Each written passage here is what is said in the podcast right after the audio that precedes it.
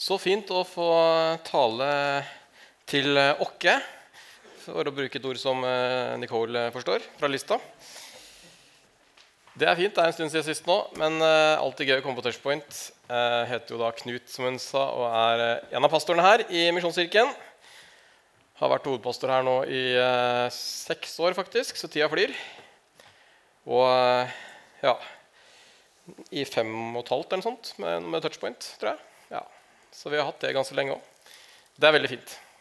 Men veldig bra å se dere. Fint å se god stemning i eh, kaffebaren før eh, møtet òg. Jeg er glad for, eh, for kaffebaren. Håper at den kan være mer og mer åpent framover. Og jobber egentlig med å få den åpen på dagtid òg, så det kan bli et sånn hengested. Bare få inn litt eh, penger til vask og steamer og forskjellig. Men det blir bra. Jeg håper eh, dere trives eh, på Touchpoint. Velkommen også til å besøke oss på gudstjenester eller andre samlinger i kirka. Noen av dere var med på alfakurs eh, tidligere. Eh, noen av dere var på samling på torsdag om kropp. Eh, temasamling. Og Det er veldig fint. Dere er alltid velkomne. Og hvis du kjenner at ikke bare Touchpoint, men Misjonskirken er, er, det er din menighet, det er her du går, så har vi snart et nytt medlemsopptak i kirka. Så jeg nevner det også. Litt sånn reklame først. Eh, vi har medlemmer i Misjonskirken, og alle kan bli medlem eh, som kjenner det som sitt hjem. Og vi har allerede en del på lista nå og pleier å ha medlemsopptak en gang i halvåret. Cirka. Så nå er det ikke så lenge til vi skal ha et nytt opptak. Så hvis du kjenner at det har vært interessert å høre mer om eh, medlemskap, så ta gjerne kontakt med meg etterpå. Så blir jeg hengende igjen her litt. Jeg sa at Nicole kommer tale som jeg får lov til å ha litt reklame i starten. Så det er litt sånn dealen, da. Og den andre dealen er jo at, og forresten, Jeg kommer fra Larvik, egentlig. Ikke fra Narvik, som vi så videoen. Larvik, Narvik, det er ganske likt i ord. Men hadde jeg vært 20 år yngre, så hadde jeg dratt til Narvik. altså. Eh, det er jo veldig bra sted for de som liker å stå på nedoverski eller nedoverbrett eller et eller annet også. Med sånn der slalåmbakke rett ved siden av byen, har jeg hørt. Så be gjerne over om Narvik er Det er virkelig fint. Jeg er litt med, Det er ikke helt det samme tidspunkt uansett om du stiller klokka frem eller tilbake. eller hva du gjør for noe. Og hvis du sovner også, så regner jeg med at det er på. Så det er igjen her på slutt den. Veldig glad for det. Og sist fikk du eh, alle sammen. Mest på Det bygger jo på i dag. Eh, men det bygger jo på høresaken og alt sammen, så jeg tenkte vi skulle ha en liten kjapp oppsummering eh, først. da. Men greia er jo at vi er på en måte litt i Jakobs brev, som eh, er jo på en måte et brev som har mye fokus på gjerninger. Og noen mener jo at det er liksom motsetning mellom Jakob og Paulus. Og Paulus er veldig tydelig på at det handler ikke om gjerninger. Det er liksom troen alene og troen som frelser. og sånn. Så bare For å starte der, da, innledningsvis, for å være helt tydelig på det, så er ja, det er troen som frelser i kristendommen. En gang for lenge siden jeg studerte på NLA i Glad i Bergen i sin tid, så skrev jeg en oppgave om det kristne synet på frelse mot, det, mot islams syn på frelse. Og det var jo veldig ulikt. Eh, hvor da kristendommen så var det jo frelse ved tro alene, mens i islam så var det jo gjerningens vei. på en måte da. Eh, hvor du på en måte må gjøre mest mulig gode gjerninger i løpet av livet, og så blir på en måte disse veid Eh, for å se om du er på en måte blitt verdig for, eh, for paradis. Da. Så Jeg er veldig glad for at det ikke akkurat er sånn i kristen tro, men at vi kan få lov til å ta med oss vers for fra Galaterbrevet, kapittel 3, hvor Paulus skriver Før troen kom, var vi i varetekt under loven. Det er fra vers 23 da, i kapittel 3. Før troen kom, var vi i varetekt under loven, innestengt helt til den tro som skulle komme, ble åpenbart.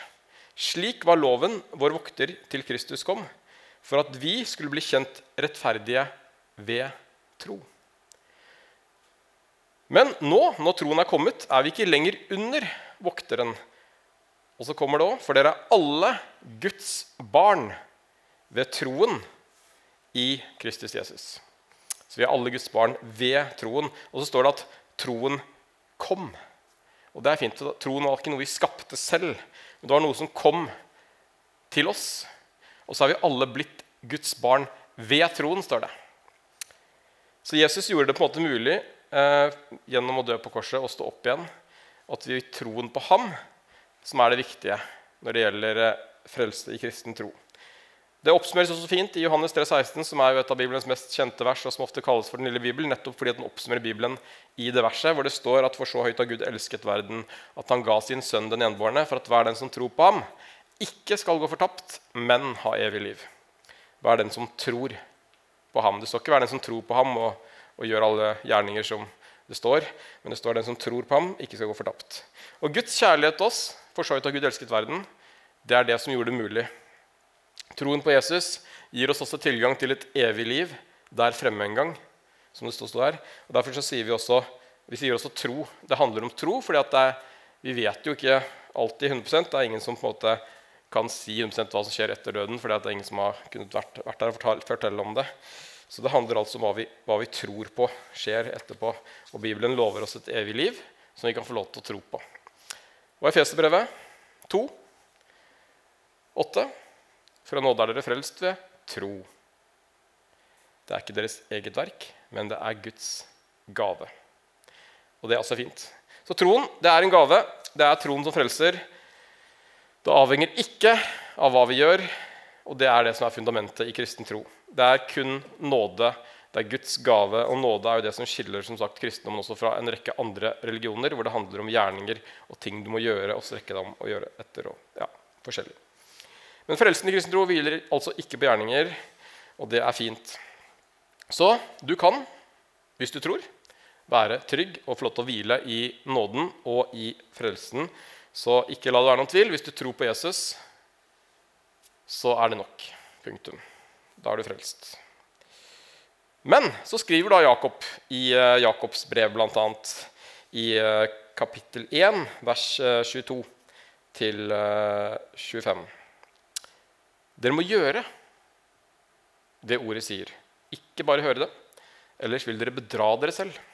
For den som hører ordet, men ikke gjør det ordet sier, ligner en mann som ser på ansiktet sitt i et speil. Han ser på det, går sin vei og glemmer straks hvordan han så ut. Men den som ser inn i frihetens fullkomne lov og fortsetter med det, blir ikke en glemsom hører, men en gjerningens gjører. Et slikt menneske skal være lykkelig i sin gjerning. Så dere må gjøre det ordet sier, sier Jakob, ikke bare høre det. Og i eh, kapittel 2 i Jakobs brev, vers 26, så sier Jakob.: For som kroppen er død uten ånd, er troen død uten gjerninger. Og så har jeg et, et av mine favorittvers står i Jakob 1,27, hvor det står en gudsdyrkelse som er ren og feilfri for Gud, vår Far, det er å hjelpe enker og foreldreløse barn i deres nød og ikke la seg flekke til av verden. Og Når vi leser disse versene fra Jakob, så kan det høres ut som Jakob og Paulus er på en måte fundamentalt uenige. Eh, vi skal straks si litt kort om det, men for det første så er de ulike mennesker med ulike fokus, gaver og talenter. Og Derfor så blir på en måte konteksten deres også litt ulik. Paulus er jo først og fremst en evangelist som er opptatt av at mennesker skal bli frelst. Han er opptatt av å forkynne om frelsen, han er opptatt av at den skal spre seg til alle land. Mens Jakob er kanskje mer når vi leser disse her versene fra Jens om hva som er en gudsdyrkelse, så er han kanskje mer en slags diakon som er opptatt av eh, nestekjærligheten. At vi må hjelpe de fattige, vi må bry oss om de som trenger det. Og at troen må på en måte bety noe. da. Det må være noen hender. Det må være Gud med hud, som vi hadde en taleserie som vi kalte, hadde her nylig i kirken. her. Diakoni Gud med hud. Det må være noe hud, noe som skjer. Og jeg tror at fordi at de hadde litt ulike nådegaver, så blir også vektingen deres litt ulik. som et sånt utgangspunkt. Da. Men det betyr ikke at de nødvendigvis er uenige likevel. Fordi at eh, Paulus eh, sier jo at frelsen ikke hviler på gjerninger. Og så sier ikke Jakob at frelsen hviler på gjerninger. Men han sier at gjerninger er en naturlig konsekvens av troen. Jakob har veldig mange sånne egentlig 'gjør ditt, gjør datt' eh, i sitt brev. Og for noen så kan det oppleves litt sånn lovisk, for vi er jo på en måte satt fri fra loven. jo, Det er Guds gave, det er nåde. Eh, og Derfor så har Jakobs brev også vært litt omdiskutert. Så En som ikke var veldig glad i, i Jakobs brev, var bl.a. Martin Luther. Eh, og det var fordi at Luther opplevde at eh, Jakob hadde en litt annen lære enn Paulus. Fordi at Paulus sier at de er frelst ved tro alene. Det hviler ikke på gjerninger. Og det er riktig. Men så er det viktig å si at Jakob snakker ikke om frelse ved gjerninger. Det, blir på en måte som å sammenligne litt sånn pølse og lompe. Eh, det er to forskjellige ting eh, som ikke skal sammenlignes, men som kan på en måte fungere sammen. Og Det er det også Paulus og Jakob egentlig kan. hvis man studerer det litt. For når Jakob sier at eh, en tro uten gjerninger er en død tro, så er også forskjellen at Jakob han snakker ikke om lovgjerninger, som Paulus snakker en del om. Fordi at Før på en måte Jesus så var det jo slik at for at mennesker skulle bli frelst, så måtte de leve etter loven i Det gamle testamentet. Og Da var det lovgjerninger å snakke om, og da måtte man følge loven for å kunne bli frelst. Og når Jesus hadde dødd, så kunne vi tro på Jesus for å bli frelst. Jakob snakker ikke om lovgjerninger, at du må på en måte følge loven for å bli frelst. Eh, men han skriver om gjerninger. Og Paulus skriver også om gjerninger. Og Vi leste jo i stad fra Festerbrevet eh, 2,8, hvor det står at for å nå dere frelst ved tro. Det er ikke deres eget verk, men Guds gave. Og så står det videre det hviler ikke på gjerninger for at ingen skal skryte av seg selv. Men så kommer det neste vers igjen. For vi er Hans verk, skapt i Kristus Jesus til gode gjerninger som Gud på forhånd har lagt ferdige for at vi skulle vandre i dem. Så Paulus snakker også om gjerninger. altså Rett etter at han har sagt at det ikke hviler på gjerninger, så sier han i neste verset vi er skapt til gode gjerninger. Men det er fordi at frelsen hviler ikke på gjerninger. Men når vi tror, så er det naturlig å gjøre gode gjerninger. Ikke sant? Det er to forskjellige ting vi snakker om. Og så er det også fint at han sier at Gud har allerede lagt de ferdig på forhånd, som vi kan få lov til å vandre i dem. Og jeg liker veldig godt at vi kan få lov til å vandre i ferdiglagte gjerninger. Fordi at når jeg tenker at når du skal vandre i det, så handler det ikke om å liksom streve og liksom kjempe seg fram, men det er liksom en sånn enkel vandring fordi at du gjør det ikke alene i egen kraft, men du gjør det sammen med Gud. Og det er en stor forskjell. Så Jakob snakker ikke om at du må gjøre gjerninger for å bli frelst, men han snakker om at frukten av at du tror, bør være at du på en måte vandrer i ferdiglagte gjerninger, og at troen din ser ut som noe. Og At ikke det bare er noe som er her inne, men at det også får et uttrykk ut. Så både Paulus og Jakob snakker egentlig om at gode gjerninger skal strømme ut fra troen, men det er ikke gjerningene som skal gi oss troen. De på en måte har et fundament som de strømmer ut fra. Skjønner du forskjellen på det? Ja, det nikkes. Så Jakob og Paulus er egentlig ganske enige. Og jeg tror at eh, grunnen til at Jakob er så streng og tydelig som han er i sitt brev, er nok fordi at det er noen kristne som har blitt en, litt sånn der, Kanskje har tatt Paulus sine ord litt for mye på alvor og tenkt at ja, men vi er frelst. Alt er bra. Vi trenger ikke gjøre noe. Vi kan bare slappe av. Vi kan bare hvile trenger ikke løfte en finger. på en måte, og At de kanskje har blitt litt lunkne. Jeg tror at eh, Jakob egentlig er et brev som advarer litt mot lunkenhet. Eh, at de på en måte blir helt likegyldige. Det er mange som mener at Jakob var eh, broren til Jesus. Og jeg tenker jo at Det er jo naturlig hvis det stemmer, at Jakob da naturlig var opptatt av det samme som Jesus var opptatt av. Og Jesus snakka også en del om å gjøre, ikke bare å høre. Og Et av de mest kjente avsnittene som han om det om, er jo i Bergprekenen i Matteus 7, i vers 24 og utover. Så er det jo lignelsen om huset som var bygd på sand eller fjell. Og det står Jesus sier Hva er den som hører disse mine ord og gjør det de sier? Ligner en klok mann som bygde huset sitt på fjell. Regnet styrtet, elvene flommet, og vinden blåste og slo mot huset. Men det falt ikke, for det var bygd på fjell. Og Hver den som hører disse mine ord og ikke gjør det de sier, ligner en uforstandig mann som bygde huset sitt på sand. Regnet styrtet, elvene flommet, og vinden blåste og slo mot huset. Og da falt det, og fallet var stort. Og Noen ganger så brukes den lignelsen her, jeg har hørt den på søndagsskolen nå, at litt sånn feil, det handler om at liksom, vi må tro på Gud. Da bygger vi på fjell. Men det det egentlig står, det er at den som hører mine ord og gjør det de sier, det er den som bygger på fjell, sier Jesus. Så det er ikke bare å tro som bygger på fjell, men det er tro å gjøre det han har sagt, som gjør at de bygger på fjell. Så Jesus sier også 'vær ordets gjørere, ikke bare hørere'. Så Jesus og Jakob sier egentlig det samme her. Som Jakob sa, er vi bare hørere og ikke gjørere, så bedrar vi oss selv. Og Jeg tror dessverre at det er blitt litt for mange hørere rundt omkring i kristne menigheter og jeg tror at faren ved å bli en hører og ikke en gjører, er at man fort kan tenke at alt er greit, og at man kan bli litt sånn lunken, da, som Bibelen advarer mot.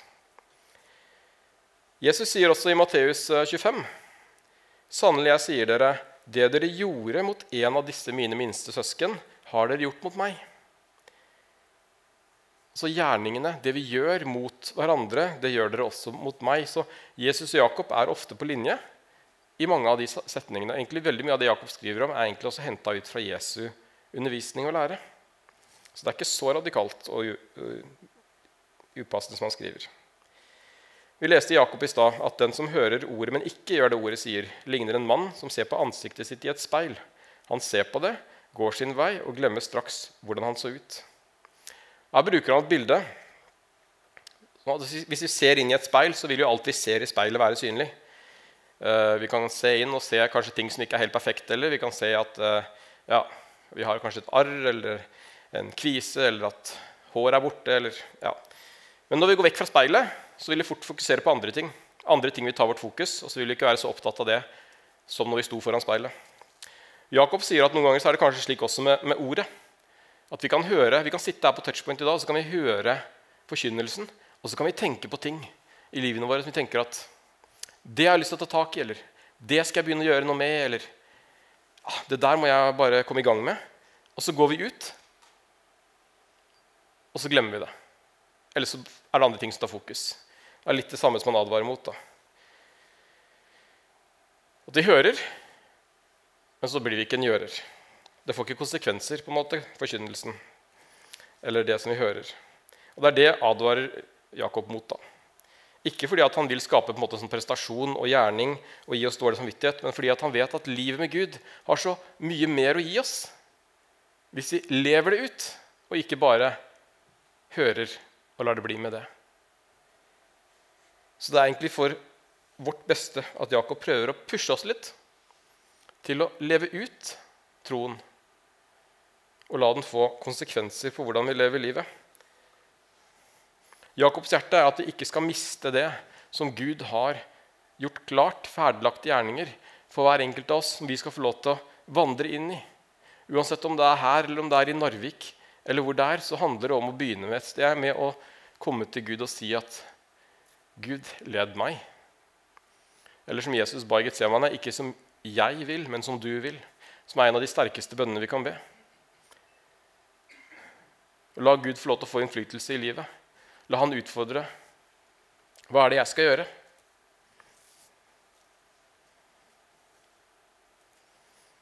Og forresten ledig stilling som ungdomspastor her i kirka her nå, i 50 stilling som vi har lyst ut akkurat, så ta kontakt etterpå hvis du tenker at jeg har lyst til å gjøre mer for Gud. Jobbe med ungdom her i Misjonskirken f.eks. Velkommen til det. Det er sånn jeg ikke en reklame til. Poenget til Jakob er at det må være et samsvar også mellom liv og lære, det vi hører, og det vi, og det vi har i hjertet vårt, og det som kommer ut. da. Det er en grunn til at Bibelen ofte snakker om hjertet. Eh, troen er i hjertet, og at det som hjertet er fylt av, det taler munnen. Og der din skatt er, vil også hjertet ditt være. Det står mange steder om det. Og hva vi har i hjertet, det er jo det som på en måte vil vise hvordan vi lever livet, og hvordan vi bryr oss om de rundt oss, og hvordan vi snakker til de rundt oss. Det var en gang en prest som talte om ærlighet og sannhet i kirken. Og Noen dager etterpå så skulle han ta bussen, og så betalte han hadde bare en stor lapp. Dette var før det kom sånn billettapper og sånn. Så han betalte med kontanter, og så fikk han vekslepenger tilbake. Og Så gikk han og satte seg, og så telte han, så så han og han hadde fått tilbake altfor mye. Da kunne han tenke skal jeg beholde de, det er ingen som kommer til å merke det, eller skal jeg gå og betale tilbake igjen. Og så, så gjorde han heldigvis det siste, så han gikk fram til bussjåføren og sa jeg fikk visst litt for mye igjen. Og så ga han det. Og så sa bussjåføren at jeg vet at du fikk for mye, jeg ga deg for mye med vilje. For Jeg var i søndag og hørte deg tale om ærlighet. Jeg hadde lyst til å sjekke om du lever det du preker. Og nå vet jeg at du gjør det sånn, så jeg kommer tilbake neste søndag. Men det er et poeng. Hvis han hadde beholdt de, så hadde han ikke kommet tilbake igjen i kirken. tror jeg, For da hadde han skjønt at her var det en som sa noe og gjorde noe helt annet. Så det må være et samsvar mellom hva vi sier, og hva vi gjør. Og Det gjelder eh, for min egen del òg. Så jeg er veldig nøye med å telle vekslepengene jeg, eh, hvis jeg betaler noe og får tilbake feil. Men det er dine avgjør, gjerninger som på en måte avgjør om menneskene rundt deg vil tenke at du er verdt å lytte til. Først og fremst. Hvis det du sier og det du gjør, ikke samstemmer, så blir det ofte et dårlig vitnesbyrd. Bibelen er jo full av eksempler på de skriftlærde og fariseerne på Jesu tid som var gode på loven, men kanskje ikke så gode på nestekjærligheten og gode gjerninger. Og Jesus han lot de få gjennomgå ganske kraftig. Og Det er litt det samme jeg tror at Jakob også ønsker å sette fokus på i sitt brev. Så det er ikke en motsetning fra Paulus. Jakobs brev handler ikke om hvordan vi blir frelst, men det handler om hvordan man bør leve når man er frelst. Og når man har fått Den hellige ånd, som skal veilede oss til sannheten og rettlede oss. Så vi er disipler av Jesus. Da må vi også se på hvordan Jesus levde, hva han lærte, hvordan han møtte mennesker. Og han hadde et hjerte for menneskene.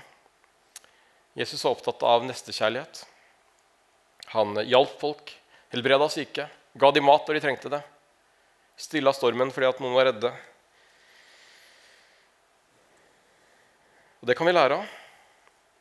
Og så er det også viktig at vi ikke havner i den andre grøften, hvor vi bare kjenner på dårlig samvittighet for alt vi ikke får gjort, eller burde ha gjort, eller kunne ha gjort. For det kan vi alle kjenne på iblant. Vi burde ha, skulle ha, kunne ha. Og jeg har kjent på det mange ganger selv òg. Jeg har snakka med mennesker så jeg har tenkt på at jeg burde sagt det, jeg burde gjort sånn.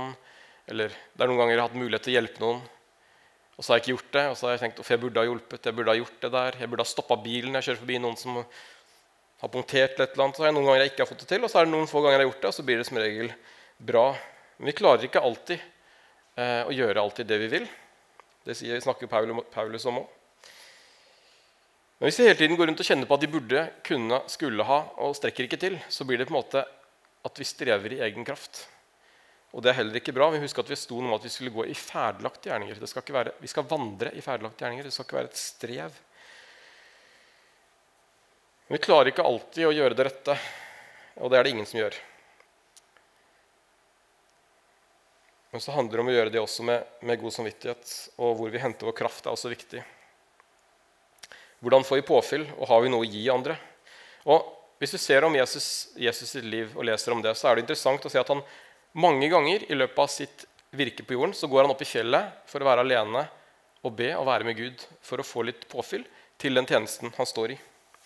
Og for eksempel, Rett etter matunderet Han har akkurat sørga for at 5000 menn foruten kvinner og barn har fått mat å spise, for de var sultne.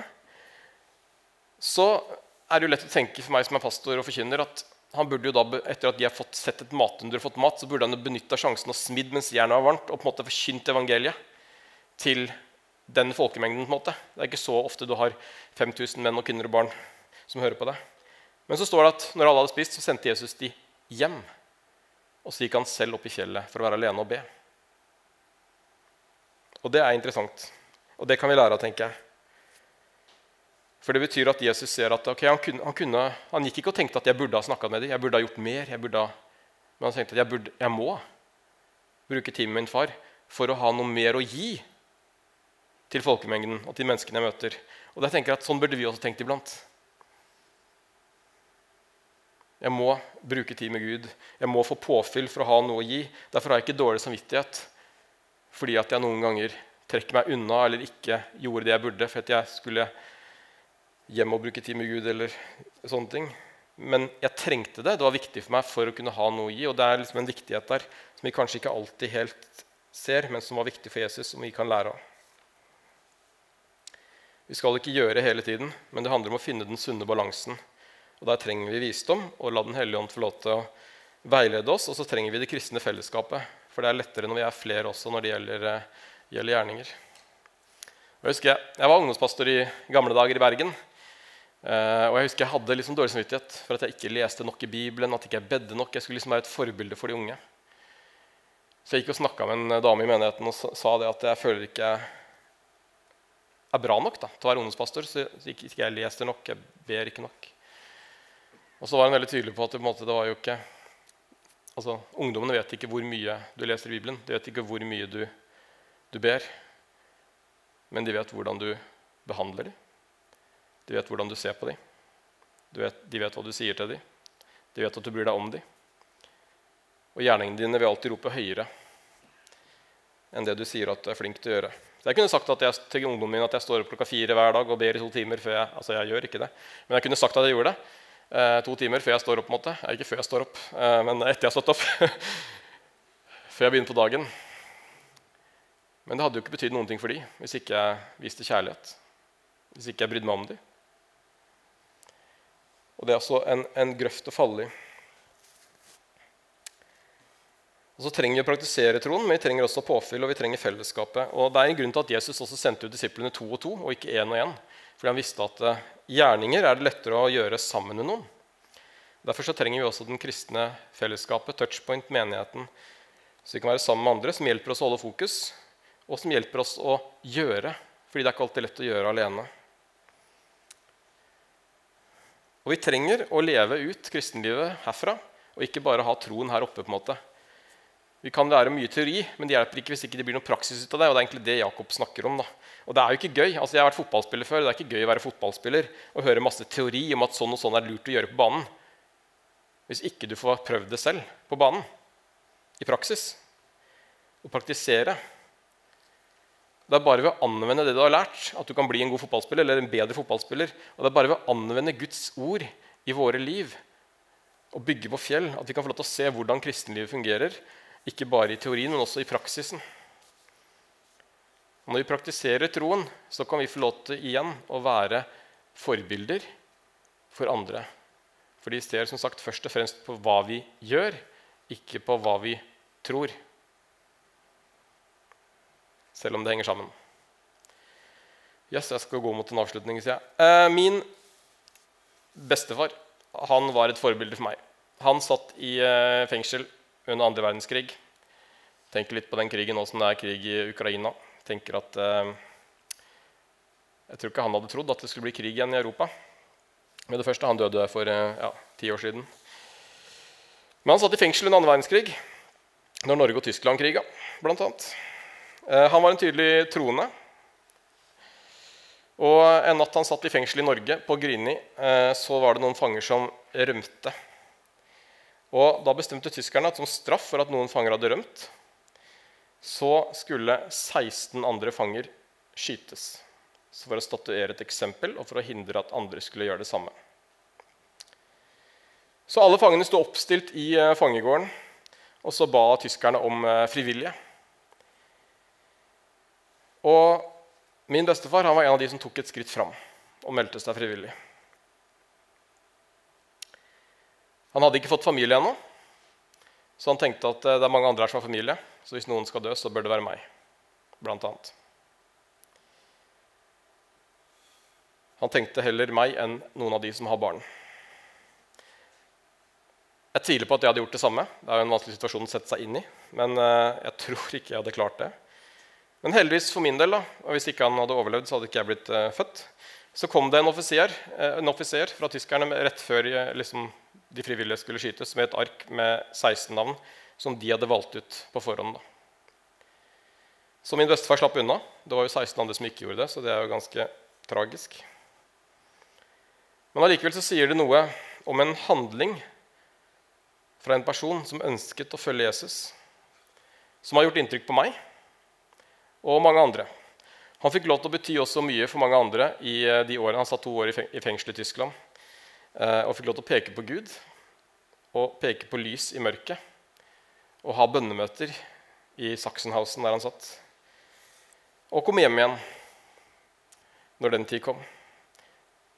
Så for meg så har han vært et forbilde gjennom handling. Det var ikke bare det han gjorde, mange andre ting òg.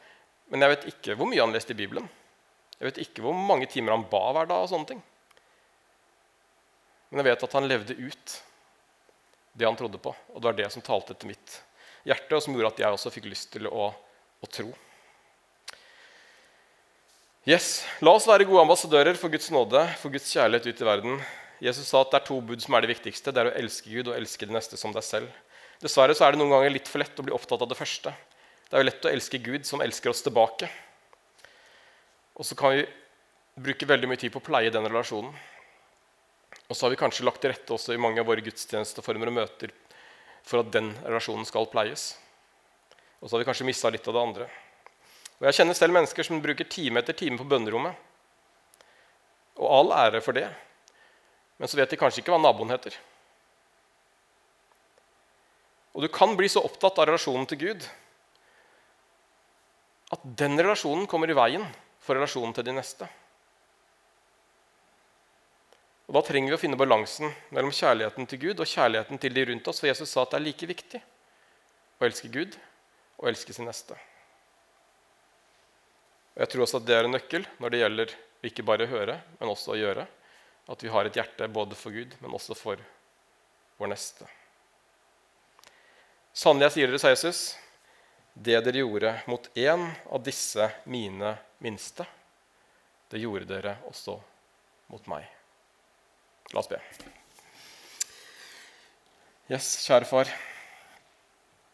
Takker deg for at du har kalt oss til å ikke bare høre, men også til å gjøre. Og ikke bare gjøre alene, men å gjøre sammen med deg. Takk for at du har gitt oss Den hellige ånd. At vi kan få lov til å gå inn i ferdiglagte gjerninger som du har lagt klar for oss.